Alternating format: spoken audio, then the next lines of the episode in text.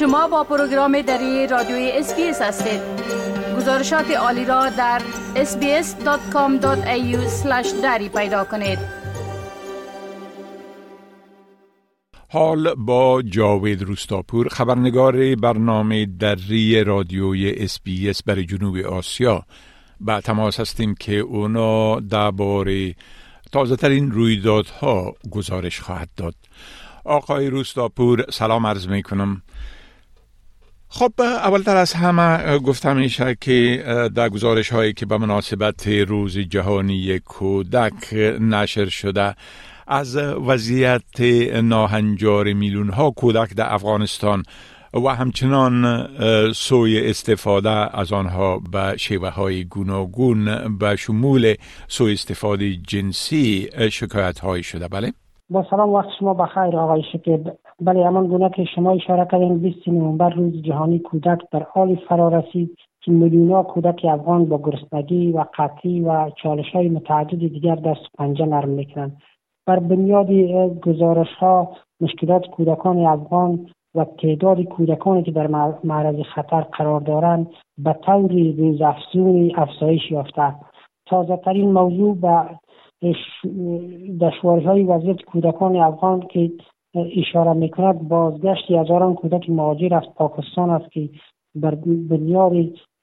گزارش نهادهای امدادرسان بیشترشان چیزی برای خوردن ندارند و تا شبها در فضای باز و بدون لباس میخوابند. صندوق کودکان ملل متحد یا یونیسف که دست کم 96 هزار کودک در اثر زلزله در غرب افغانستان در ولایت هرات آسیب دیدند و برای کمک به آنها به 20 میلیون دلار نیاز است. در غیر این صورت اگر این کمک صورت نگیرد در زمستان پیش رو شماری از کودکان از دست خواهد رفت و این نهاد اعلام کرده که در حال حاضر 5 در 5 تا 6 درصد از این مقدار پول را در اختیار دارد و متوقع نیازمندی کمک های کشورهای کمک کننده است. علاوه بر گرسنگی بیماری های شدید بیماری های شدید و نسبت های طبیعی ملگونا کودک افغان را با خطر مواجه کرده و همچنان پس از تسلط طالبان بر افغانستان صندوق نجات کودکان در گزارشی که چندی پیش نشر کرد گفت که در دو سال گذشته که طالبان به افغانستان تسلط داشتند یک سوم کودکان افغانستان از رفتن به مکتب محروم هستند. روادید همچنان گفته که گزارش های در دست دارد که موارد متعددی از ازدواج های اجباری و سوی استفاده جنسی از کودکان توسط افراد طالبان در محلات دوردست و ولایت افغانستان رو به افزایش است بله خب در گزارش نو مرکز خبرنگاران افغانستان در مورد افزایش محدودیت ها و همچنان خشونت علیه رسانه ها و کارکنان رسانه ها و ژورنالیست ها یادآوری شده. بله. مرکز خبرنگاران افغانستان گزارش شش ماهش را در مورد وضعیت آزادی رسانه ها نشر کرد که در گزارش گفته شود طی شش ماه سال روان افتاد پنج رویداد نقص آزادی خبرنگاران و رسانه ها شامل بازداشت و تعدید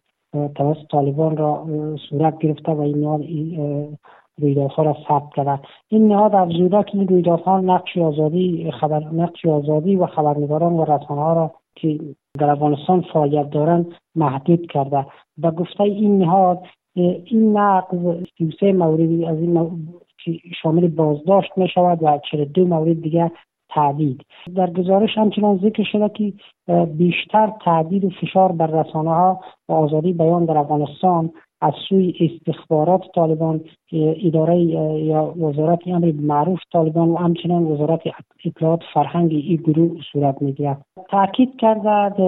مرکز خبرنگاران افغانستان که در حال حاضر نه تنها در ولایت ها بلکه در کابل روند کاری معمولی رسانه ها مختل شده و امکان تایه و نشر گزارش های آزاد و تحقیقی یا برنامه های چالشی رسانه‌ای به دلیل محدودیت شدید در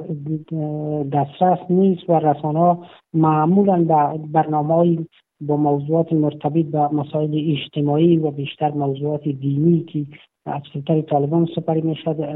برنامه خود رسانه ها محدود ساختن و آزادی بیان با گذشت هر روز به چالش کشیده می شود بله خب یک نهاد حقوقی از افزایش نوشته ها و پست های توهین آمیز علیه زنا در رسانه های اجتماعی گزارش داده. بله. بله او افغان ویتنیس یک گروه حقوقی که مستقر در بریتانیا است و در کشورهای خاور میانه به ویژه افغانستان پاکستان و کشورهای آسیای میانه فعالیت دارد. با نشر گزارش گفته است که از زمان حاکمیت طالبان در افغانستان آزار و اذیت زنان فعال سیاسی از طریق فضای مجازی آنلاین به گونه قابل توجه افزایش یافته. در گزارش نهاد آمده که نوشتن پست های توهین تعدید و آزار و اذیت